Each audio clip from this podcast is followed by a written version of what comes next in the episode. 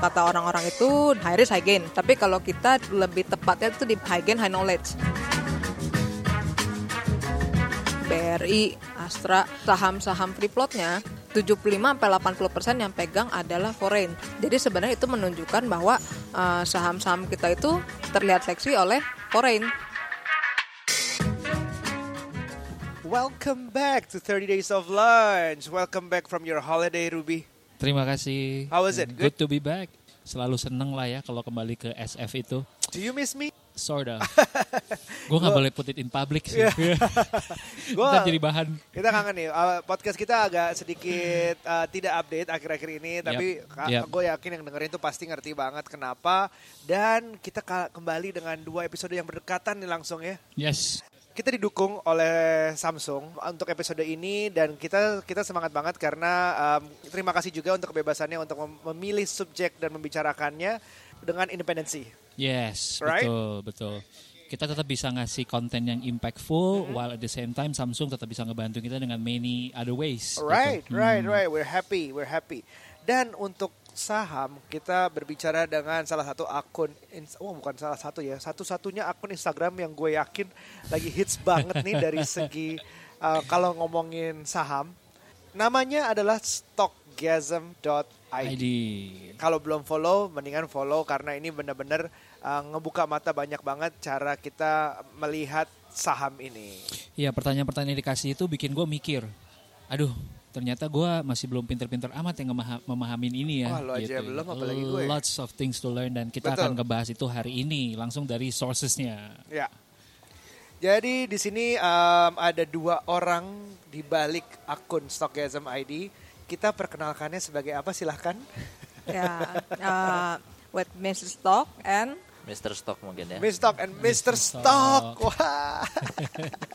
Jadi Stockgasm itu sebenarnya adalah bagian dari Joska. Jadi um, the whole message yang disampaikan Joska untuk kita biar financially literate Ya. ini masuk salah satu produknya adalah Stockgasm. Oke. Jadi gue tuh um, ya berapa bulan kemarin ini baru mulai akhirnya buka gue baru sekali nih ya buka rekening saham sendiri yang namanya RDI RDI. dan menggunakan uh, rekening data rekening dana investasi yang menggunakan aplikasi akhirnya untuk uh, menjual beli saham. saham.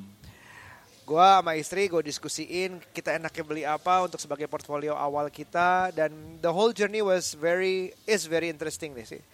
Jadi gue um, gue senang banget akhirnya bisa bawa suatu subjek yang menurut gue juga akan menarik gue sendiri gitu. Lalu gimana? Dok? Lo udah punya portfolio juga kan? Lumayan, lumayan. Udah Jadi satu tahun terakhir ini oke katanya. setahun terakhir ini, oh tentunya uh, karena bagian dari pembelajaran ya. Gue juga mengalami loss yang lumayan. Uh, tapi overall selama setahun itu beruntungnya masih positif. Udah itu aja sih gue. Karena buat gue setahun ini ya masih pembelajaran gitu. Jadi ongkos belajar plus masih positif buat gue udah oke. Wah, positif selalu oke sih. Gue gue tuh um, ini my I, I used to have this ultimate question ya untuk untuk masalah saham. Uh, ini gue ngaku aja ke pendengar podcast Days of Lunch ini bahwa gue pernah pernah punya masalah dalam gambling. Untungnya nggak begitu besar, nggak begitu bikin gue harus ngutang, tapi um, lumayan rugi banyak saat itu. Dan itu di gambling di olahraga. Dan um, yang gua yang gua lihat adalah saham tuh um, sedikit banyak ada bisa dimirip-miripin atau disama-samain sama gambling. Banyak sekali resiko dalam saham kalau kita mungkin nggak tahu caranya atau kita nggak persiapin sebelumnya. Menurut kalian gimana sih tentang is investing in stock is gambling? Saham itu investasi atau saham itu gambling? Jadi sebenarnya gambling atau investing itu depends dari perspektif orangnya juga ya. Eh, mau gimana pun sebenarnya mau investasi di saham emang ada em, spekulasi yang diambil.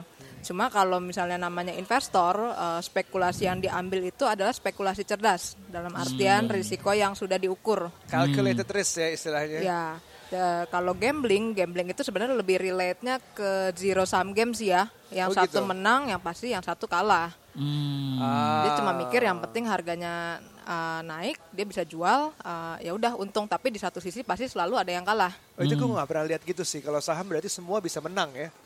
Ya secara nggak langsung. paling eh, yang rugi adalah dia yang exit duluan sama kalau emang eh, ternyata ekspektasi returnnya atau dalam waktu penilaian kita salah dalam waktu memilih perusahaan Hmm, selebihnya kan baik investor ataupun baik perusahaannya sebenarnya udah pasti sama-sama untung Iya. Tapi yang bikin rugi itu kan orang yang ngelepas eh, either dia pesimis atau salah penilaian hmm, Betul. tapi in the long run ya dua-duanya masih istilahnya simbiosis mutualisme Oke. Oke. Oke. sebenarnya kayak terms of trading sendiri itu eh, bukan berarti nggak bisa bisa juga di saham cuma lebih cocok untuk di forex yang pasarnya gede dan memang underlyingnya apa sih cuma makroekonomi aja nggak ada financial statement yang mesti dicek Hmm.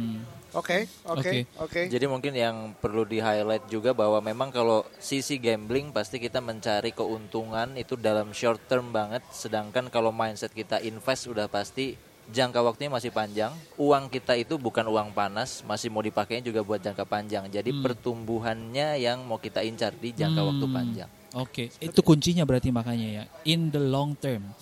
Jadi saham itu apakah bisa dibilang bukan sesuatu yang kita invest jangka pendek. Betul. Jadi kalau misalkan orang mau masuk untuk dapetin return cepat dalam waktu singkat, udah mendingan jangan saham. Betul. Ya, I think kalau di yang kuadran itu sih masuknya ke yang not urgent but Ya. important. I see. Ah, tapi kan um, nih I'm I'm being very stupid aja dia sekarang ya. Tapi kan ada yang istilahnya trading um, yang jual beli cepat, ada saham gorengan yang memang ada yang perusahaan dibikin IPO atau go public terus habis itu cuman buat digoreng doang terus habis itu untuk ya nggak lama juga udah hancur lagi. Itu tapi ada kan orang yang making money dari situ kan? Ada-ada aja, tapi sebenarnya gini balik lagi pertanyaannya eh, esensinya perusahaan untuk IPO itu ap- apa sih? Raising fund? Selain racing fund, Um, Ekspansi. Ekspansi. Dia kalau racing fund sama ekspansi bisa minjem dari bank nggak? bisa. Terus kira-kira kenapa dia lebih prefer eh, IPO compare daripada dia ambil di bank? Yang pasti kalau di bank ada interest. Kalau bentuknya adalah loan, Tapi pasti ada interest. kalau profit marginnya tinggi, Ya nggak apa-apa. profit marginku tinggi, aku sharing sama orang lain tentang berbagi keuntungan. Iya. Hmm. Tapi eh, kalau aku ke bank kan aku udah tahu fix interestnya di berapa. Jadi bisa diperkirakan gitu. Betul, Iya. betul. Jadi kenapa? Jawabannya apa? Jadi balik lagi juga tergantung si perusahaannya mau IPO ini untuk apa. Hmm. Jadi eh, sederhananya IPO itu kan memang ajang untuk eh, racing fund tadi ya. Mm-mm. Racing fund eh, istilahnya yang dia cari atau yang dia eh, dia mau ambil adalah dana murah. Jadi kita ngomong ada dana murah, dana mahal. Hmm. Kalau nasabahnya deposito itu kita sebutnya dana mahal. Hmm. Tapi kalau uang cuma diem aja di tabungan itu kita sebutnya dana murah. Oke. Hmm. Kalau dana mahal berarti kan ada uang yang emang fixed return yang mesti dibagi. Hmm. Kalau di sini konsepnya kayak obligasi. Hmm. Tapi kalau untuk yang racing fundnya di IPO sebenarnya itu kan masuknya ke equity investor kan, di Betul. modal kan. Jadi eh, dia itu tidak ada kewajiban untuk mengembalikan Mengembalikan. uangnya. Iya, kalau perusahaannya emang niatnya seperti itu. Hmm. Ya maksudnya kalau akhirnya nggak profit juga, rugi juga dia nggak harus balikin. Kalau di bank tuh udah wajib harus balikin, bahkan Betul. dengan interest. Oke. Jadi sebenarnya kan kayak tahun kemarin itu kurang lebih ada hampir apa sekitar 60 perusahaan IPO ya. Oke. Tapi kalau misalnya mau di cross check itu ya seperti yang dibilang tadi trennya antara buat exit kalau nggak cuma buat lunasin utang aja. Hmm. Kalau buat yang tapi utang itu juga nggak salah kan. Jadi maksudnya mungkin ini perusahaan-perusahaan yang sebagian besar um, uangnya IPO dipakai untuk bayar lunasin utang berarti sebelumnya dia sudah berhutang dan IPO raise fund akhirnya untuk bayar utang itu. Apakah Betul. itu sesuatu yang buruk pasti atau Jadi sebenarnya utang itu juga bukan berarti salah sih. Eh, utang itu malah wajib sebenarnya karena kita kan hidup di masa eh, sekarang ini sistem moneternya istilahnya uang itu dibilangnya print money ya. Jadi eh, rata-rata hampir semua negara even semua company pasti dia akan meminjam untuk akselerasi eh, apa Percepatan. R&D jadi lah kayak research and developmentnya juga buat nge-create suatu produk baru. Oke. Nah, eh, tapi kalau misalnya dengan utang itu sebenarnya kayak yang perlu kita cermatin itu adalah eh, dia pakai utangnya itu untuk utang apa? Sebenarnya di satu sisi juga kalau misalnya dia kebanyakan pakai buat hutang, berarti kan sebenarnya secara nggak langsung perusahaan itu nggak profitable. Ya. Jadi yang di IPO apakah perusahaannya kurang bagus atau gimana gitu. Cuma ya berarti balik lagi ya kita nggak bilang hutang itu salah, hutang itu malah uh, Justru bisa banget. menguntungkan juga bahwa memang secara dari cost of fund juga tadi ya disebut sama Miss Stock gitu ya bahwa dari cost of fund juga bahwa yang namanya debt itu memang lebih murah ketimbang cost of equity. Jadi Oh, iya, kalau betul. kita melihat bahwa oke kita bisa ngukur interest rate kita katakanlah interest expense kita berapa keluarnya fix saja seterusnya. Nah, itu juga ibaratnya lebih untuk gampang kita mengukur bottom line kita apakah akan tetap Cost-nya. profit atau tidak seenggaknya di situ. Oke, kembali ke pertanyaan yang melahirkan eh, jawaban yang semakin membuat ini makin kompleks. ini, ini, ini, Adalah- ini kayak di The Big Short. Oke. Financial people bikin terms yang bikin kita bingung sehingga biar mereka aja ngelakuin. Nah, tapi menurut gua ini menarik untuk kita pelajari lebih lanjut bahwa sebenarnya intinya nih kalau di obrolan tadi adalah em, gambling atau enggak itu sebenarnya em, tergantung sama perspektif orangnya, intensi orangnya. Dan jangka panjang, jangka waktunya itu juga ngaruh tadi ya Yes, disebut. selama kita masuk ke dalam investment saham ini eh, untuk jangka panjang dan kita mengambil calculated risk tadi. eh, yang cerdas, yang acceptable juga buat kita, tergantung Ya. resiko kita juga. Oke. Nah, eh, buat teman-teman yang dengerin, bisa nggak kasih semacam tools buat mereka untuk tahu eh, mereka itu seberapa risk taker sih? Karena kan ujung-ujungnya nih beda nih. Ada orang yang memang, aduh kayaknya gua udah coba saham, gua nggak bisa dedak dikduk kayak gitu, nggak bisa. Iya, It's not setiap for me. Setiap kali buka layar TV atau aplikasi gitu, merah, hijau, merah, hijau, berubahnya cepet banget nih, gue bingung nih, gue ngapain gitu. gitu. Ada nggak sih kayak beberapa questions yang mungkin bisa ditanyain ke mereka, mereka sekarang sambil ngedengerin nih, uh, teman-teman sambil dengerin bisa langsung, oh ini kayaknya gua nih, ini kayaknya cocok nih, kayaknya enggak gitu. Betul, karena kalau perlu kita ingat juga bahwa yang namanya baik surat utang atau obligasi maupun yang namanya saham itu udah pasti di dalamnya ada resiko. Betul. Risiko paling jeleknya adalah default, Ya, uang kita hilang. ya, Analogi sederhananya adalah misalnya kalau kita menginjek modal kita nih untuk Hmm. start invest saham katakanlah satu juta ya. gitu kan ya. Nah, kita siap nggak tuh? Sampai level mana sih kita bisa siap hilang uang kita? juta Iya. itu. Ya, katakanlah oke aku masih bisa bear my risk gitu ya di angka 50%. Berarti oke kita siap. Di 500 ribu kita hilang. Hmm. Paling gampangnya kita bisa oke aku toleran masalah risk aku tuh di level berapa sih? Hmm. Uangku yang bisa hilang itu kira-kira aku masih oke lah, masih bisa tidur nyenyak seenggaknya gitu kan ya. Ya. Oke di level berapa sih? Paling Iya. sederhananya di situ. Jadi Oke. kalau saya nih gue nih punya 100 Ya, miliar iya. gitu, pengen siap hilang di berapa persennya? Oke, berapa gitu. persennya? Betul. Hmm. Jadi Berapa persentase yang yang yang kalau sehatnya berapa persen tuh nggak bisa bilang Nggak ya bisa. tergantung uh, expense bulanannya, Betul. tergantung tujuannya Ya, apa, betul. banyak banget ya faktornya. Betul, karena balik lagi bahwa invest udah pasti balik lagi nih ke dasarnya. Memang katakanlah kalau di basic Hmm. personal finance pasti dana darurat aman, insurance aman, Iya, baru betul. kita lebih nyaman untuk invest ke I depannya. see. Jadi investment ini memang selalu disarankan dari dana tadi urgent tapi eh sorry important tapi tidak urgent. Oke. Kalau gua kalau gua ngalamin ya, karena gue sempat ngetes beberapa uh, instrumen investasi yang berbeda. Gue sempat coba satu app dan itu menurut gue menarik karena ditanyain hal-hal yang uh, untuk ngukur seberapa risk takernya lo. Pertanyaan yang kayak lo tuh masih single apa enggak? Iya, Lo punya anak, eh lo udah menikah punya tanggungan apa enggak? betul. gitu. Kemudian karena itu akan turunannya banyak tuh. Berapa yang harus siapin buat dana darurat, buat kehidupan dan segala macam. Terus kalau lu investasi, lu lebih mengutamakan apa? Mengutamakan untuk memaksimalkan keuntungan lu atau menghindari kerugian. Betul. Nah itu dua hal yang berbeda tuh. Ya. Eh, artis itu ditanyain juga sama mereka berapa total nilai eh, Aset. aset sehingga lu bersedia untuk men- menyisakan berapa untuk diinvest. Jadi mungkin itu hal-hal yang teman-teman bisa mulai Betul. jawab sehingga kebentuk. Jadi yang diisi kayak yang urgent and important dulu. Jadi kayak Exactly. dana darurat, Yes, asuransi, yes. yang uh, pastiin lo masih bisa hidup nih Yes. gitu. Baru itulah dihitung berapa persen yang kayak cocok untuk di Important but not urgent. important berat aja. Oke. Berangkatnya kayak gitu. Bener gak kira-kira? Iya, I think itu menarik sih. Jadi lu akan dapat lo uh, low risk taker, medium atau high risk taker, then you decide berapa banyak yang lu mau masukin ke sini. ikut menanggapi Mr. Stock eh, mengenai risk itu sebenarnya suka atau enggak setiap hari itu pasti kita dihadapkan dengan segala resiko salah satunya kita mau keluar keluar rumah aja pasti ada possibility totalnya ketabrak motor lah atau ya Ketok ketok amit- ketok. amit-amit. Nah, eh, terus persepsinya juga adalah biasanya kan kalau kata orang-orang itu dibilangnya eh, high risk high gain. Nah, Tapi kalau kita di sini lebih lebih tepatnya itu dibilang adalah eh, high gain high knowledge. Hmm. Jadi semakin kita tahu, semakin kita paham tuh harusnya berbanding lurus dengan gainnya kita.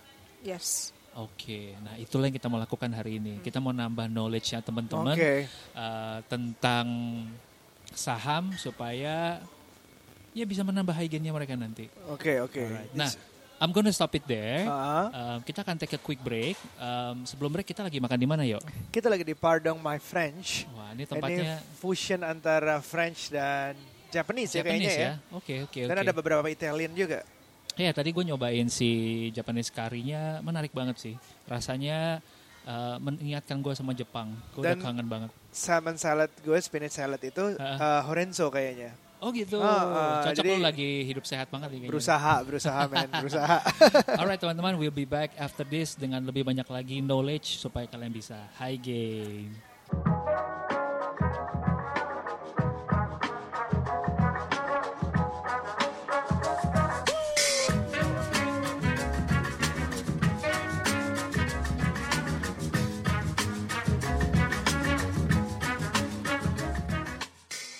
Oke, we're back.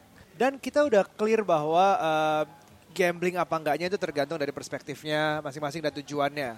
Nah, um, kalau kita udah clear udah ini harus nih kayaknya kayaknya uh, saham itu harus merupakan suatu investment yang kita punya untuk untuk sebagai portfolio lah boleh dibilang.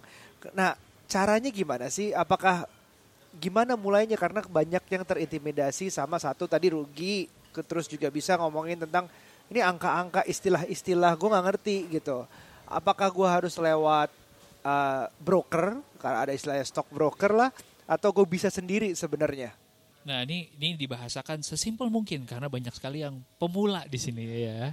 Sebenarnya caranya gampang banget. Jadi Ah. kan sekarang eh, sekuritas eh, atau pembukaan akun rekening sekuritas itu Sudah bisa online ya. ya udah banyak banget yang online. Eh, untuk trading juga bisa sendiri. Step by stepnya itu coba eh, bisa di googling aja eh, untuk pembukaan RDI.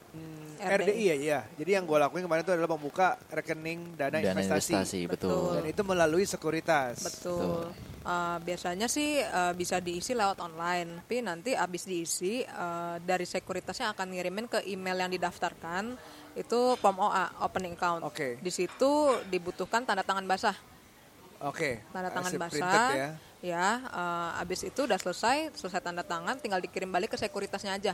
Hmm. oke Tapi poin penting dari RDI ini adalah sebenarnya kita itu akan membuat suatu account baru gitu ya, di mana akun bank ini nanti juga akan ngelink ke akun bank utama kita, Ya, di mana nanti sebenarnya dari tujuan RDI ini adalah supaya uang kita tidak bercampur juga nih dengan uang perusahaan sekuritas kita. Hmm. Jadi benar-benar secure di mana nanti kita juga lebih nyaman nih menyetorkan modal kita, jual beli transaksi saham di rekening dana investasi ini. Tapi R- RDI itu ada yang bodong nggak sih atau yang memang misalnya hati-hati sama RDI ini gitu apa Oke, semuanya itu memang ka- aman? Kalau RDI bisa dibilang aman karena itu semua adalah ngelinknya sama bank. Biasa bank-bank besar kalau Udah bisa pasti kita ya, tahu, ada udah pasti. bank besar. Oke, Betul. dalam hal itu harusnya jangan jangan jangan takut lah Betul. ya. Dan kalau bisa juga kita nanti coba ngelink juga nih antara RDI dengan bank utama kita paling nggak harus sama banknya. Supaya apa? Supaya nggak kena biaya transfer aja. Iya. Oke. Lebih gampang in and outnya nanti. Oh, Betul. biaya Oke. transfer. Oke, oke. Jadi gue um, udah buka di satu sekuritas. Ini gue sebut brand kayaknya nggak usah lah ya. Nggak usah. Satu sekuritas uh, dan yang connect ke bank gue. Seperti yang Mr. Stock bilang ini. Terus gue ada aplikasinya. Sekuritas itu punya aplikasi yang penting banget. Ini bisa di Android gue, di S10 gue. Dia um, dia bisa bikin kita bisa beli dan jual sekaligus di aplikasi doang. Gue sih nggak kebayang. Jadi maksudnya awalnya gue nggak kebayang, tapi ternyata segitu gampangnya. Bahkan Hmm. kadang-kadang terlalu gampang gue sampai ngeri tergoda beli beli beli beli mulu. tapi segitu gampangnya dan dan untung untungnya interface-nya cukup enak juga dilihat untuk tinggal pesen mau berapa saham, mau Oke. harga berapa, Oke, tunggu. oke. Karena itu langsung udah otomatis juga nanti dari perusahaan sekuritas akan mengkonekkan juga tuh ke yang Oke. namanya apps-nya juga. Oke, jadi tinggal Seperti itu. dapetin login sama Betul. password dan segala macam ya. Oke. Nggak, Sebenarnya sih biar nggak bingung, eh, cuma mau bilang RDI itu sebenarnya akun khusus ya. Jadi khusus. dia itu buka beda sama akun bank biasa. Iya. Kalau akun bank biasa kan ada kartunya. Iya, Ya. betul. eh, Ada buku tabungannya iya, ada juga. buku tabungannya. Kalau di nggak ada. ya nggak ada. Dan itu nggak bisa di close dalam artian kalau misalnya bank biasa saldo kita nol nih berapa lama nanti pasti bakal ketutup. Kalau ini enggak, eh, Ada kalau dia nol eh, dia tetap bakal kebuka terus dan dia akan nutup kalau kita minta request untuk ditutup aja. Oh, interesting. Jadi intinya uang yang gainnya pun itu larinya harus ke bank kita dulu. Betul. Baru kita bisa pakai gitu kan ya Betul. kasarnya ya. Dari dari RDI itu nggak bisa diapa-apain, Nggak nggak bisa bisa, dipakai buat pembayaran apa pun itu nggak bisa, Nggak bukan bisa. kayak tabungan. Oke, Oke. got it, perfect. Got it. Nah waktu itu abis gua udah buka, terus blet duit pindahin dari eh, tabungan gue ke akun RDI itu. Now what? gue di saat itu ya cuma duduk. Terus gue beli apa dong? Gue bingung beli apa dong. Nah ini kan um, without recommending any names, any companies, how do you choose your portfolio? Oke, sebenarnya udah bagus tahap pertamanya adalah kita membuka rekening dulu gitu kan karena nanti satu waktu kita udah siap kita bisa invest gitu kan ya. Oke, kita udah jadi nih nggak perlu nunggu-nunggu lagi. Tapi setelah oke udah jadi gimana milihnya benar kata Ah, ah, Mas ah. Aryo gitu kan ya. Pertama pasti kita bisa dulu nih riset. Risetnya gimana? Paling enggak kita ada pendekatan sih sebenarnya ada yang menggunakan pendekatan top down analysis atau juga ada nih mulai dari yang downnya dulu to the top gitu ibaratnya. Nah cuman kita lebih prefernya nanti larinya ke top down analysis karena down apa pun analysis. itu pasti kita mulainya dari yang namanya kondisi makro atau kondisi ekonomi global paling enggak di mana kita bisa tahu semacam punggawa-punggawanya ekonomi dunia semacam Amerika, China Iya. itu mereka lagi China, ngapain, Uni ha. Eropa lagi ngapain. Kemudian nanti dari aktivitas ekonomi mereka itu apakah akan berdampak nggak nih dengan yang namanya makro Indonesia. Oke. Makro kan paling enggak kita bisa bicara terkait yang namanya kebijakan moneter sama kebijakan fiskal. Moneter itu terkait dengan yang namanya suku bunga, Mm-mm. kalau fiskal terkait Pajak. dengan pajak. Betul. Oke. Dari sana seenggaknya kita bisa tahu nih, oke pengaruh dari global tadi masuk ke makro kita seperti apa. Makro kita itu akan menentukan yang namanya sektor mana nih kira-kira yang bakal sunrise atau sunset. Seenggaknya betul. Nah, misalnya sunrise ya ketika sunrise oke kita bisa tahu nih, oke. Ketika udah tahu sunrise seenggaknya kita bisa ngelihat eh atau kita bisa buat blocking-blocking tadi nih. Katakanlah misalnya contoh eh sebagai contoh misalnya kemarin terkait dengan yang namanya suku bunga gitu kan ya. Suku bunga Amerika, pengaruhnya kenaikannya The Fed itu ke Indonesia seperti apa gitu kan ya.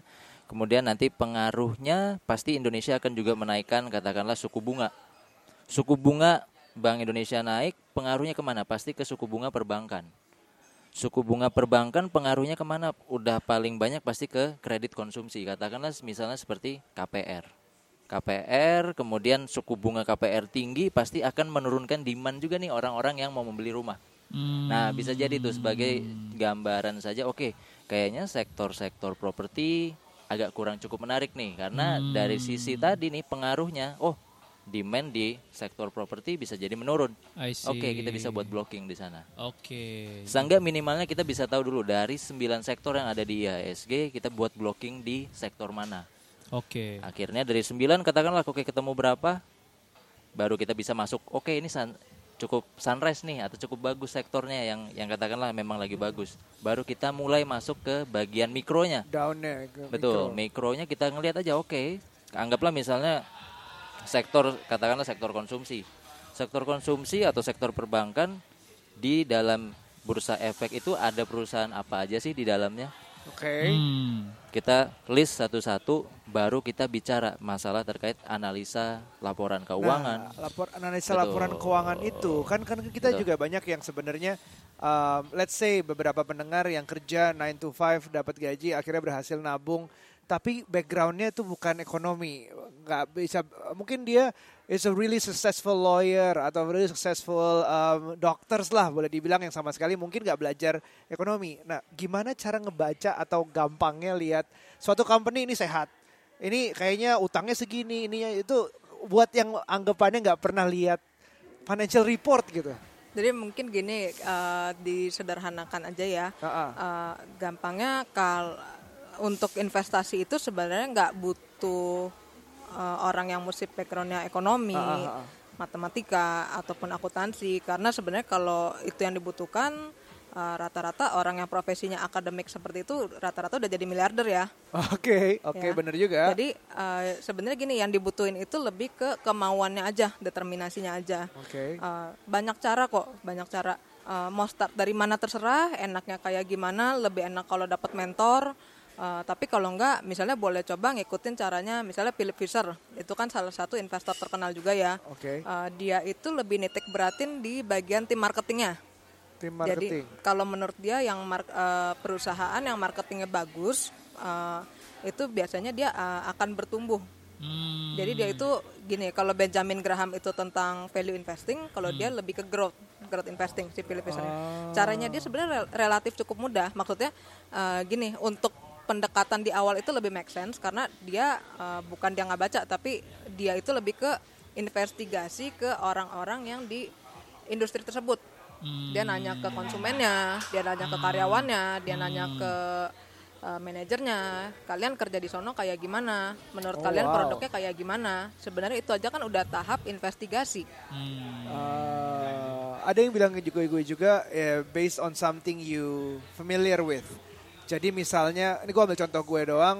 uh, gue suka teknologi. Uh, perusahaan yang bekerja, yang bergerak di bidang teknologi. Misalnya kalau handphone, kalau smartphone itu kan ada aturan yang namanya TKDN, tingkatan kandungan dalam negeri, berapa persen. Jadi berarti dia harus misalnya brand luar itu harus investasi di Indonesia sekian juta dolar, eh, sekian miliar rupiah untuk bisa berjualan eh, dengan 4G, ada ada konektivitas 4G di dalamnya. Jadi gue cari tuh perusahaan apa aja sih yang bikin yang produksi komponen-komponennya dalam Indonesia dan seperti itukah yang dimaksud? Apakah kita harus kayak kenal ya industri yang gue tertarik atau enggak misalnya istri gue uh, liatnya fashion oh brand ini mau masuk ke sini dipegang oleh perusahaan ini eh brand ini di luar menarik loh gini gini, gini cocok nggak ya sama market Indonesia is it something like that atau Betul, paling enggak minimal kita tahu dulu dari yang ibaratnya perusahaan itu model bisnisnya seperti apa sih, bergerak di bidang apa sih. Seenggaknya kita tahu gimana cara dia membuat uang itu, menghasilkan uangnya seperti apa. Karena kalau ibaratnya kita baca laporan keuangan pun sebenarnya kita bisa ngelihat bahwa sebenarnya oke dia bergerak di segmennya tuh apa aja sih. Gitu kan misalnya bahwa oke dia jualannya oh ke segmen beberapa segmen nih. Dari beberapa segmen tadi oke yang paling besar profit marginnya ke mana gitu misalnya kan ya. Kemudian memang harus kenal juga sih bahwa perusahaannya jangan sampai kita masuk katakanlah oke ke suatu sektor di mana sektornya aja kita nggak tahu apalagi perusahaannya juga juga kita nggak tahu tuh karena mereka banyak yang kayak gitu Betul. oh kata si kata si ini beli ini aja untuk berapa Betul. bulan gitu oh ini ya kata ini ini lagi bagus gitu Betul. Karena lebih baik ini kan kita balik lagi ke konsep investasi tadi, kita mau beli perusahaan gitu kan ya. Bahwa perusahaan ini kita kenal betul nih. Kita juga pemegang sahamnya, kita bertanggung jawab juga buat si perusahaan ini ke depannya. right right right right kalau Jadi kalau gue doyan banget sama Indomie, Ah, ah. terus gue menurut gue dari circle gue 10 orang nih, sembilannya itu konsumsi Indomie tujuh kali dalam bisa seminggu. dilihat bisa Gitu dilihat kan? begitu Terus menurut gue, ah kayaknya konsumsi mereka masih bisa gue bikin double nih, jadi 7 jadi 14 nih. Betul. Ternyata ada produk-produk Indomie rasa apa-apa lagi yang bikin oh ini kayaknya bakal enak nih atau enggak ini bakal bust nih, nggak bakal Iya, enak. iya. Gitu, Atau itu kalau bisa pakai ya. prinsipnya si siapa Philip Fisher tadi, wah marketingnya bagus nih, gue suka marketing. Cara jualannya Cara suka. jualannya, Iya, oke. iya, iya, Dan iya, iya. Itu paling nggak bisa jadi sedikit clue buat kita untuk memulai gitu ya. Ya, Mungkin betul. kalau itu coba dilihat aja di Google itu paling keywordsnya biasa scuttlebutt. Apa apa? Scuttlebutt, boleh Iya. diajak nggak? Uh, S C U double T L I A uh, B B for Bravo uh, U Ultra and T. Apa apa itu scuttlebutt? kabar burung kamar angin Ah, Oh, oke, oke. Oke, Oke. eh, tapi kalau ba- balik lagi ke yang eh, melaporan keuangan, minimal banget yang dilihat tuh apa sih? Profit. Nggak juga, nggak profit doang kan ya? Hmm. Jadi- yang dilihat ya. yang kalau kita kita gua nggak tahu gue buta nih ya Iya, baca cara bacanya aja gue nggak ngerti tapi points apa sih yang dasarnya harus Sebenarnya yang paling gampang itu kalau menurut aku itu uh, cari financial statement yang gampang dimengerti dulu deh. Hmm, Oh, Soalnya makin oke. sekarang itu financial statement dibikin untuk tidak dimengerti masalahnya Iya. kayak gitu. Biar kita pakai financial advisor. Hmm. Kalau dibilang mana yang penting semuanya sih penting. Oke. Kalau uh, misalnya kayak no idea tentang perusahaannya, Uh-uh. ya dibacain dulu aja informasi di awal ini perusahaan berdiri kapan, bergerak di bidang apa itu banyak banget bocoran-bocorannya. Kalau misalnya udah familiar, udah tahu itu uh, di laporan keuangan itu terbagi jadi tiga. Yang bakal ngedrive harga saham itu sebenarnya uh, income statementnya sih dalam artian gini, kan yang uh, balance sheet itu dia ngelihat seberapa sehat perusahaannya. Yang kedua itu seberapa hebat perusahaan dalam ngegenerate income-nya dia. Hmm, Oke. Yang ketiga itu adalah cash flow statement. hmm, Itu gampangnya adalah kayak rekening koran aja. Intinya uang masuk, uang keluar. Karena uh, pencatatan di akuntansi itu antara keluar masuknya uang sama transaksi jual beli itu ber- berbeda. Jadi kan banyak tuh, misalnya dulu uh, sering dengar kayak uh, perasaan jualan banyak, uh, perusahaan oke jalan, tapi kok nggak ada duitnya. Nah, kalau biasanya yang kecil itu dia jarang untuk provide cash flow statement. Tapi kalau yang di TBK itu dia ada uh, provide yang di cash flow statementnya. hmm. I see, I see. Jadi kalau paling enggak adalah kita- yang minimal banget kita lihat adalah perusahaannya punya aset apa enggak. Dari aset itu kan bisa kebagi aset lancar, aset tetap. Nanti kita bisa googling juga sih sebenarnya detail-detail dalamnya apa. Tapi seenggaknya perusahaan punya aset dia bisa generate profit apa enggak. Oke. Kemudian dari profit and loss-nya gitu ya atau dari laporan laba ruginya kita coba ngelihat dari yang namanya main operation dia itu dia bisa generate berapa. Hmm, Terus jangan sampai misleading bahwa oke di bottom line-nya atau di yang namanya net profit-nya itu bakal besar gitu ya. Hmm. Tetapi ternyata oh ada tambahan lain nih dari yang namanya operasi lain-lain. hmm, Nah, itu kita juga harus perhatiin itu karena yang ibaratnya operasi lain-lain itu adalah penghasilan dari operasi lain itu adalah ibaratnya bukan recurring income. Oke. Ibaratnya seperti itu. Jadi kita coba bedakan dulu antara oke yang mana sih yang sebenarnya sumber utamanya jualan suatu perusahaan ini. Hmm. Kita bedain juga tuh dengan penghasilan lain-lainnya. Oke, jadi segala eh, membaca atau memahami eh, laporan keuangan ini paling pertama adalah kalau kata Mr. Stock, cari tahu bis- bisnis modelnya perusahaan ini apa, Betul, gitu ya. Sumber uang utamanya dari mana? betul. eh, kemudian seberapa jago mereka bisa menghasilkan uang itu, Betul. growth-nya bisa berapa. Betul. Jadi kita bisa jadi nggak cuma ngelihat laporan keuangan di tahun ini, tapi beberapa tahun Tahun sebelumnya untuk melihat Betul, tren, gitu trennya ya. seperti apa. Oke. Karena ada beberapa perusahaan yang kita anggap oke perusahaan ini besar, Ya. bertumbuh terus, tapi Ya. coba kita lihat dulu deh ke belakang. Oke. Ternyata jauh di belakang sana mereka growth-nya tinggi banget. Makin ke sini growth-nya mulai melambat. Hmm. Oke. Paling nggak kan kita bisa tahu, oh trennya ternyata perusahaan itu lagi melambat nih. Hmm, Ah bisa jadi juga nih warning buat kita. Oke deh, wait and see dulu misalnya Oke, untuk oke. masuk ke suatu saham ini atau perusahaan ini. Oke, gue coba recap dulu ya. Ya. Jadi sejauh ini yang kita tahu adalah mulai dengan top down analysis, uh, ngelihat makronya di luar sana itu gimana, efek Indonesia gimana, sehingga akan ada industri yang menarik atau sunrise atau industri yang akan mungkin slowing down atau Betul. sunset. Setelah itu kita udah pilih sektornya, kita pilih company apa yang menurut kita menarik, kita Betul. dalamin, uh, kita pelajari laporan keuangannya. Betul. Oke, sampai situ. Nah, kalau kiblatnya Warren Buffett nih value investment atau uh, Ben Graham kan dia lumayan uh, memperkenalkan uh, apa namanya ya, rasio ya gitu. Nah ada bahasanya uh, earning per share, ada um, apa namanya debt equity ratio, masih masih banyak banyak lagi yang lain. Nah mungkin sebelum terlalu meribetkan adalah apakah si rasio ini juga perlu menjadi konsiderasi atau gimana menurut Mr. and Miss Stock?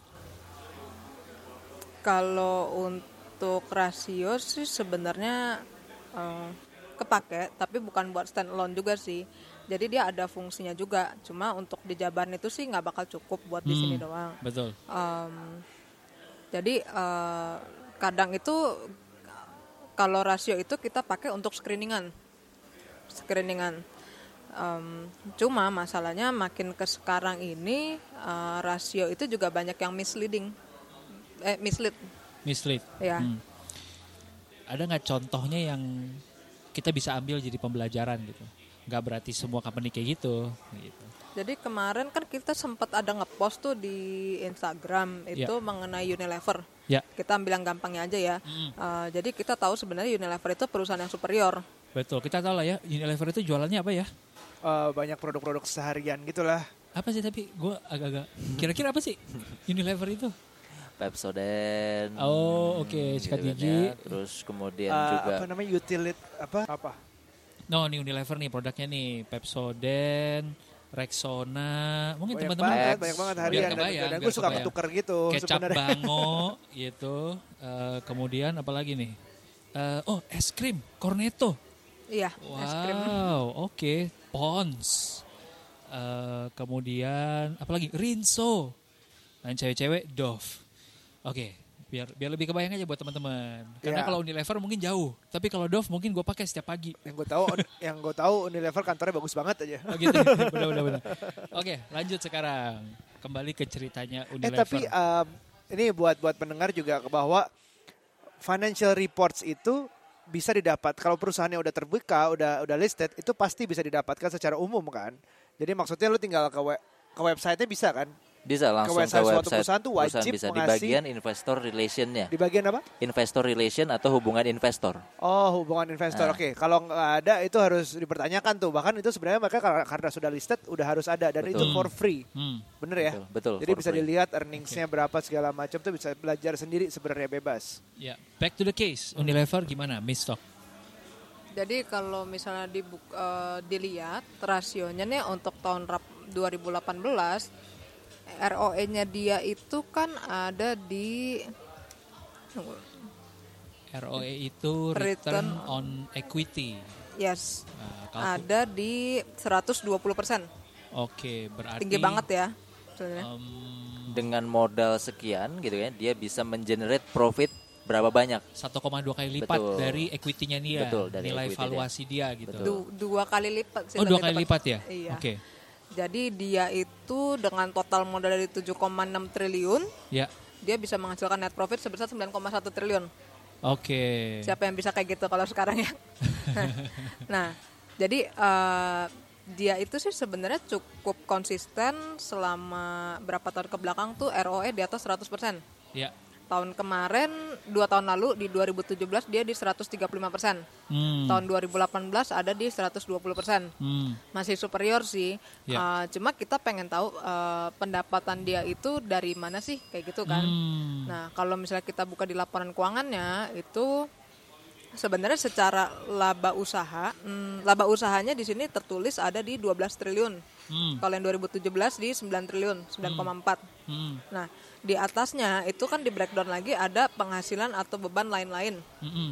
Nah, eh, penghasilan atau beban lain-lainnya ini eh, di 2018 angkanya cukup cukup signifikan. Mm-mm. Ada di 2,8 triliun. Mm-mm. Sedangkan untuk di 2017 itu minus Hmm. minus Oh, 9 M ya. oke. Oke. Ah, jadi sebenarnya contribute dia banyak dari penghasilan atau beban lain-lain kan. Hmm. Kita lumayan terpaku, eh, lumayan Kag- menarik kayak eh, 2,8 triliun ini atas Apa? penjualan apa ya? Soalnya kan contribute-nya banyak nih kalau mau Secara di persentase gede. kurang lebih sekitar 30 persen. Ya, 30%. wow. Nah, jadi di catatan atau notes-nya itu eh, tulisannya kita bisa lompat di eh, bagian 26. Di situ kan di laporan keuangan tuh ada catatan atau notes. Itu catatan laporan kakinya kita bisa baca itu eh, penjelasannya apa sih? Apa dari gitu mana kan. itu segitu? Eh, oh ya, jadi eh, ini kita eh, karena kita ngomongin return on equity, sebenarnya kita cek kan berarti profitnya ya Ya. uh, impactnya ke EPS-nya juga jadinya kan Mm-mm. earning per share. Uh, jadi di sini uh, EPS-nya itu kan juga dari 921 naik ke 1198. Hmm. Kenaikannya berapa? Ada 20 persen ya, berarti ya. Which is Ah. seharusnya dinilai baik ya. Ya. Nah, kalau misalnya mau dibuka lagi di di bagian 26 itu tulisannya adalah uh, itu atas hak penjualan distribusi ke Upperfield. Oh, jadi dia mendapatkan 2, koma sekian triliun itu karena dia menjual hak untuk distribusinya ke perusahaan lain. Iya, dan Oke. itu sebenarnya kayak bukan jelek sih, cuma itu adalah kita ngomongnya bukan pendapatan berulang ya. Betul. Jadi kemungkinan besar tahun depan uh, pendapatannya ya nggak akan maksudnya ya kalau nggak paling nggak nol lah ya. Karena Iya. nggak akan ada penjualan itu lagi. Kalau ada penjualan naik, tapi intinya sih sebenarnya bukan core bisnisnya aja. Iya. exactly. Dan kalau ya dan kalau kita tahu dia udah ngejual hak distribusinya dia sebenarnya secara nggak langsung kan uh, bakal nyumbang turun ke pendapatan dia karena ada Betul. distribusi yang dikeluarin kan. betul. Jadi uh, ROE atau EPS-nya ini masih tetap superior uh, sebenarnya adalah kebantu karena penjualan atau beban lain-lainnya ini. Nah itu itu ini menarik sih. Em, dan rata-rata eh, buku eh sorry laporan keuangan itu kan berlembar-lembar ya. Iya, itu juga harus harus spend a lot of time to learn about it ya. How to start sih buat orang-orang yang baru mulai Start apa nih maksudnya? start untuk Baca. memahami ini. Heeh. Atau memang udah paling bener ikut aja ke kelasnya Stockjasm. Bisa, bisa banget, bisa banget. Eh, em- em- ada ya, kapan yang terdekat ada kelas lagi nih? Yang terdekat di hari Minggu ini kalau nggak salah. Oh, Minggu Hari ini udah ya? penuh, ini jangan-jangan. Udah penuh. Kayaknya udah penuh. Kayaknya udah penuh. Ya, di situ ada di Surabaya ya. Ada lagi di Surabaya. Juga kayaknya udah penuh tuh. Iya. Oke. Jadi bisa nggak eh, kasih tahu kapan berikutnya kita sama-sama bisa belajar tentang eh, ba- saham bareng-bareng Lebih dalam lagi gitu. Kalau itu sih nanti Atau uh, kita lihat ada di publish jadwalnya di Stockgasm-nya ya. di Instagram. Oke. Iya. Oke, oke, oke, oke. Teman-teman mungkin follow dulu ya Stockgasm underscore ID ya. Dot ID. Oh dot ID. Stockgasm.id. Oke, silahkan dicari. Em, pertanyaan berikutnya. Waduh, ini gue sorry ya gue agak karena terlalu excited ngebahas saham. Bener, bener, bener. Oke, em, pertanyaan terakhir. Setelah tahu semua itu, ya kita udah paham segala macam segala macam. Eh, kita udah paham rasio, kita udah paham em, eh, laporan keuangan. Lalu ternyata waktu kita masuk ke bursa ada satu faktor lagi nih yang katanya tuh berpengaruh adalah volume transaksi. Karena ujung-ujungnya eh, it is eh, it's about ya market tuh soal supply and demand juga kan. Kalau misalkan nggak banyak orang yang bertransaksi di saham itu, mungkin jadinya nggak menarik atau mungkin malah harganya jadi ya stagnan aja gitu. Ada ya what's what's your comment on this gitu. Itu menjadi salah satu konsiderasi kita memilih saham juga nggak sih? Kalau trader sih biasanya iya ya, perhatiin volume banget ya. Hmm, Uh, tapi sebenarnya kalau kiblatnya itu value investing, sebenarnya kita nggak terlalu peduli volume sih.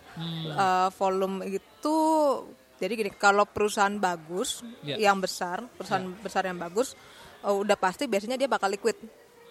Uh, kita nggak gitu perhatiin indikator untuk volume karena yang kita pengen yang kita investasikan kita lebih condong ke emang ini perusahaannya bagus atau enggak. Oke. Kalau perusahaannya bagus, biasanya di satu waktu pasti uh, pasar juga akan menghargainya dengan bagus. Ah, Oke, Oke. make sense, make sense. Um, ini ada pertanyaan titipan. Nih pendek-pendeknya mungkin um, industri. oh, ini lucu banget tadi kita bahas udah udah, udah bahas ini. Gue udah bahas sama beberapa teman gue juga. Ada ada satu dokumenter yang menarik yang kemarin baru rame ini. Hmm. Namanya Sexy Killers. Hmm. Um, tentang how dirty the coal industry is gitu. Um, juga ada beberapa dokumenter sayang uh, tandingannya. Misalnya kita ngomongin kalau ngomongin Dirty Money ada Dirty Money di uh, dokumenter judulnya Dirty Money di Netflix. Ada beberapa episode itu. Kalau menurut lo tentang Sexy Killers itu memang gue akuin kalau gue sendiri ngelihat um, coal is not the perfect industry terbersih dalam hal. Itu juga mengganggu lingkungan itu juga mengganggu orang sekitar tapi kalau ngomongin ekonominya dari sisi itu sebagai investing ya karena coal itu kan juga ada saham-sahamnya perusahaan yang bergerak di bidang coal gitu. Ada yang bilang jadi takut investing karena em, ya segala macam dirty money ini menjalankan politik lah bla bla bla gitu. What do you think about it? Ada ada komen nggak tentang sexy killers ini? Um, Sebenarnya jadi gini sih, uh, kalau di filmnya itu kan yang kemarin dibahas adalah mengenai reklamasinya belum selesai gitu ya, masih banyak yang belum diberesin.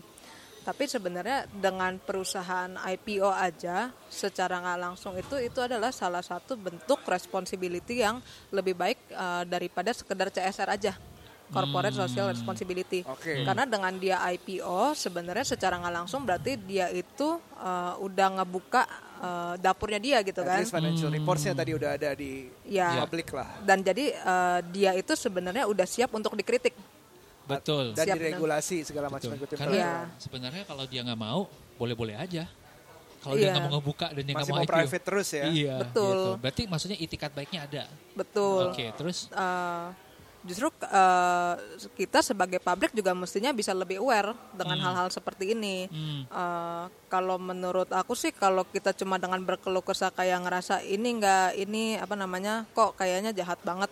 Ya intinya sih emang sebenarnya kan kita nggak bisa bikin semua orang seneng Ya. suka atau enggak kan sebenarnya juga eh, batu bara itu masih paling murah dan kita tuh masih eh, dalam tahap proses eh, mungkin beberapa tahun ke depan baru mulai bisa keluar Transisi. alternatif yang lain ya Gue lihat di Instagram postnya Stockism bahwa em, batu bara itu 600 rupiah ya per kilowatt hour kalau nggak salah. Iya. 6 ribu apa Iya, 600? 600.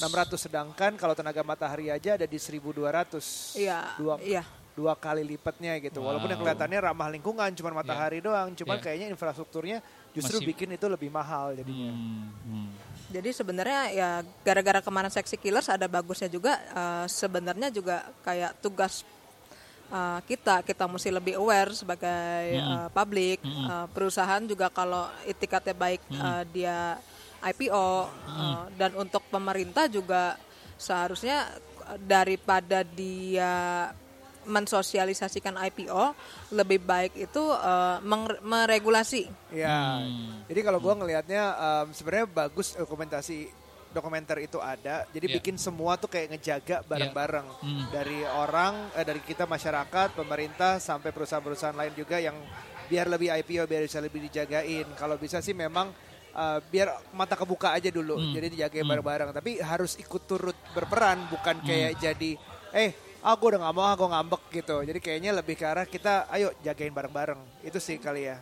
Pertanyaannya sebenarnya banyak banget. Ini gue gue masih uh, still keep coming. Tapi um, kayaknya waktu kita juga sementara ini apa kita perlu bikin part 2, Rup? Part 2 tuh kayaknya Kita- menarik banget, Kita Rup. tanya ketersediaan Mr. and Miss Stock dulu ya. nanti ya. Nah ini mau lanjut ke mana yuk? Oke, um, untuk take home buat para pendengar biar kita sama-sama masih belajar termasuk gue nih. Gue kan lagi senengin lagi seneng nontonin film-film yang berbau dengan um, stok lah. Seperti yang kemarin gue nonton Big Short, gue nonton Wall Street, udah pernah nonton Wolf of Wall Street. Tapi yang ditonton adalah oh serunya uh, pakai narkobanya atau nggak ada cewek-ceweknya, fancy cars, fancy parties, um, segala macam dramanya. Tapi sebenarnya banyak banget dari sebag- sebagian besar drama itu ada banyak banget istilah-istilah yang bisa dipelajarin, cara orang ambil keputusan gimana. Boleh nggak sih rekomend film, dokumenter, buku atau Instagram account selain Stockism atau YouTube channel apa? Can you recommend us something to learn untuk dikunyah di rumah? Oke, jadi biasanya jadi kita udah pernah ada ngepost juga salah satu rekomendasi kita itu untuk di awal eh, boleh ditonton untuk videonya Ray Dalio. How the economic machine works ya? Iya. Ah, ya, ya, ya. Bisa juga nambahin tentang bukunya dari Ray Dalio. Misalnya kalau kita mau belajar tentang lebih lanjut lagi terkait yang namanya makroekonomi itu seperti apa. Bukunya Ray Dalio itu tentang Big Debt Crisis. Di situ cerita bagaimana kita suatu negara bisa menangani krisis-krisis, krisis inflasi kah atau krisis deflasi. Seenggaknya kita tahu dulu tuh oke mekanisme ekonomi negara itu bergerak seperti apa sih. Dari sana akhirnya oh kita udah dapat gambaran nih makroekonomi itu bekerjanya ternyata luas banget sampai bisa mempengaruhi oke ke mikro-mikronya juga. Oke, dan em, kalau nggak salah, Ray Dalio memberikan buku itu gratis ya? Betul, gratis bisa Uh-uh, di-download. Bisa di-download di websitenya dia ya. Betul. Oh Oke. wow, oke, oke, Ray Dalio, oke. Terus kalau gue orangnya visual nih, Ya. kalau film atau dokumenter, Kalau visual boleh mungkin berangkatnya kayak sekarang kan udah ada kayak uh, platform online buat belajar gitu ya. Mungkin salah satunya bisa berangkat ke EDX, bukan IDX tapi EDX. EDX. Di sana kita bisa juga belajar gratis. Oke, oke, oke.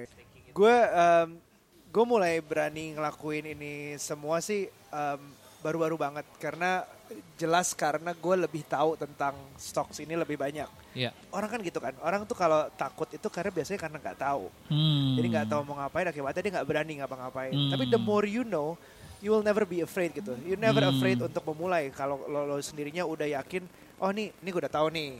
Gue tahu tentang makro, gue tahu tentang cara masuknya gimana, dan gue punya knowledge tentang industrinya. Gue tahu nih perusahaan ini gue pelajarin financial reportsnya.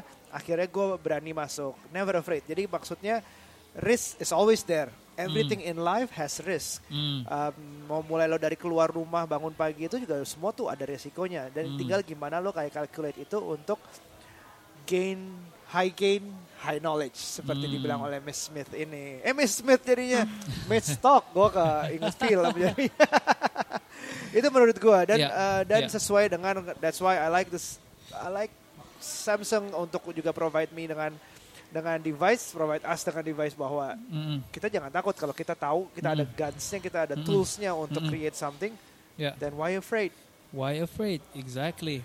Um, gue setuju banget sih, karena ketika gue pertama kali memulai ini juga gue punya ketakutan yang lumayan besar, karena apalagi gimana ya, itu uang yang lu kerja keras. Buat gue um, yang udah pernah ngalamin starting from zero gitu, kayaknya gue nggak mau balik ke situ lagi. ya The only way for me adalah ya never afraid dan coba pelajarin mulai dari yang kecil dulu, yang gue bersedia loss. Ya gitu. calculated risk ya betul. Eh, bagi gue selalu kalau mau jadi tajir itu adalah uh, there are times that you should work for money ada ada certain moment sampai akhirnya itu harus switch that money should work for you gitu Agree. lo harus Agree. dari work hard Iya, work hard dulu Ya. sampai akhirnya work smart betul. baca betul. financial report segala macam tadi Iya, itu sih. PR kita bersama ya. Kita pelajari bersama-sama. Oke, pertanyaan berikutnya. Ada quotes yang beredar gitu kan. Eh, be fearful eh when be fearful when Ya. people are greedy, be greedy when people are fearful. Warren Buffett juga itu. Iya. Gimana gimana gimana? Ya kalau itu bisa direfleksiin yang pas di technical juga ya. Soalnya sebenarnya kan kayak psikologi pasar juga bergeraknya uh, sesuai pattern Hmm. bisa dipelajari. Kalau yang dimaksud uh, dimaksud kayak gitu adalah um, biasa kan orang euforia nih rata-rata datang pada beli cuma ngarepin harganya naik. Begitu ada sentimen uh, negatif uh, beruntun ujung-ujungnya harga jatuh. Nah, ka- sering kali pas harganya jatuh itu jauh lebih murah daripada harga realnya. Harga Ya, jadi eh, itu biasanya adalah salah satu kesempatan kita buat beli. Hmm. Jadi memang eh, ya yang seperti dibilang ngomongnya sih eh, be apa nih, be fearful when When others people are greedy, ya, iya. Eh, and be Greedy. Jadi kayak lawannya itu- orang-orang lagi Iya. nafsu banget beli, kita iya, singkatnya khawatir. akumulasi saat harga jatuh gitu aja. Iya, di saat orang-orang pada panik jual, nah itu di saat itu lo kapan lo bisa beli gitu. Betul, dan penting juga bahwa memang kita harus punya nih atau yang namanya tools atau skills tentang money management juga. Hmm, Karena wah, jangan gimana sampai nih udah pada jatuh harga-harganya kita udah ngincerin sahamnya bagus-bagus, bensin kita atau money kita nggak ada, nah, itu kan sayang juga kesempatannya hilang. Oke, karena justru waktu saat dia lagi turun atau murah itu adalah saat kita untuk masuk. Oke. Itu. Alright. Alright, Masuk ke pertanyaan terakhir. Oke. Karena udah ngomongin soal harga turun. Oke. Apakah the next crisis is coming? oh that that that. Kalau Big Short ngomongin property bubble, Iya, iya. kalau sekarang apakah ada tech bubble Atau mungkin bubble-bubble yang lain atau selain bubble-bubble bubble yang lain? tea. kan no one can predict the future actually. Hmm. Tapi Jadi kan keren sebenarnya- banget kalau si Michael Bur apa Michael Jury, Michael Burry di The Big Short itu bisa dia Predict. tuh bisa duluan banget untuk tahu bahwa it's Hmm. gonna burst. Gitu. ya sebenarnya krisis suka atau enggak pasti bakal ada sih. Cycle ekonomi kan selalu kayak gitu. Iya, Iya, setiap iya. 20 ta apa berapa puluh tahun gitu ya ada ya. Kalau misalnya ada krisis pun sebenarnya itu nanti ada triknya lagi buat Hmm. bangun portofolio yang bisa tahan di segala kondisi. Hmm. Jadi krisis pun masih eh, istilahnya masih bisa untung dikit ya syukur-syukur nggak rugi. Oke. Oh, guys, there are Poin so poin penting juga tadi dari bukunya Ray Dalio tentang Big Debt Crisis itu Ya. paling nggak kita bisa spot nih. Bubble itu kapan sih terjadi? Bubble itu kapan sih bisa meletus? Itu bisa Oke. kita pelajari lebih dalam di sana. Oke, di bukunya Ray Dalio tadi ya, yang gratis juga anyway. Cuman lu mau ngabisin waktu aja nggak baca? Lu baca nggak? Enggak. Dibilangin gue baca tuh susah. ya udah, lu suruh Mr. Stock baca, lu traktir makan lagi. Oke, nah, there are so many things to learn about stocks. Jadi follow akun di stockgasm.id. Yes. Ada kelas-kelasnya menarik Ya. banget dan Hmm. memang memang bikin lo ini masih masih dalam banget. Gue sih Ya. tadi sebelum mulai juga ngobrolnya udah banyak banget dapat ilmu dan memang emang emang gokil banget deh dunia ini deh.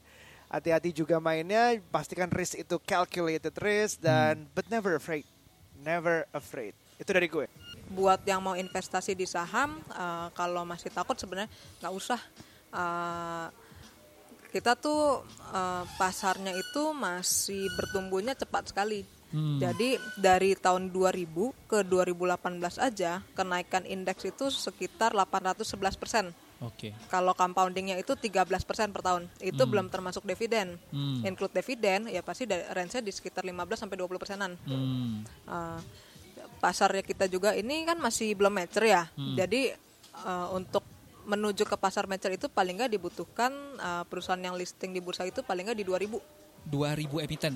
Ya, jadi sebenarnya kalau kalau kita masuk sekarang itu ya bisa dibilang kayak kita juga masih di fasenya early investor, Wow, sekarang ada berapa ya? wow 600-an. 600-an. Oke. 600-an. jadi boleh dibilang nggak tahu nih teman teman gue bilang blue chip apa aja itu masih under value dibanding pasar luar apakah benar jadi kayaknya lo masuk blue chip mana pun aman gitu Jadi sebenarnya kalau under value ataupun over value kan balik lagi ke penilaiannya orang tersebut ya. Hmm. Cuma uh, yang mesti kalian tahu uh, kan kita udah pernah share nih BRI, Astra itu uh, saham-saham free floatnya 75 sampai 80 persen yang pegang adalah foreign. Hmm. Kita lihat data tiga tahun terakhir aja tuh foreign dibilang bertambah juga enggak, tapi kurangnya cuma dikit-dikit doang. Hmm. Jadi sebenarnya itu menunjukkan bahwa uh, saham-saham kita itu terlihat seksi oleh foreign. Hmm, investor luar itu ngelihat ini sesuatu yang seksi ya. Yes. Oke. Dan yang seperti uh, kalau yang udah pada pernah ikutan forward ada kan uh, sempat dibilang kalau di sini tuh investornya uh, istilahnya habis manis sepa dibuang ya.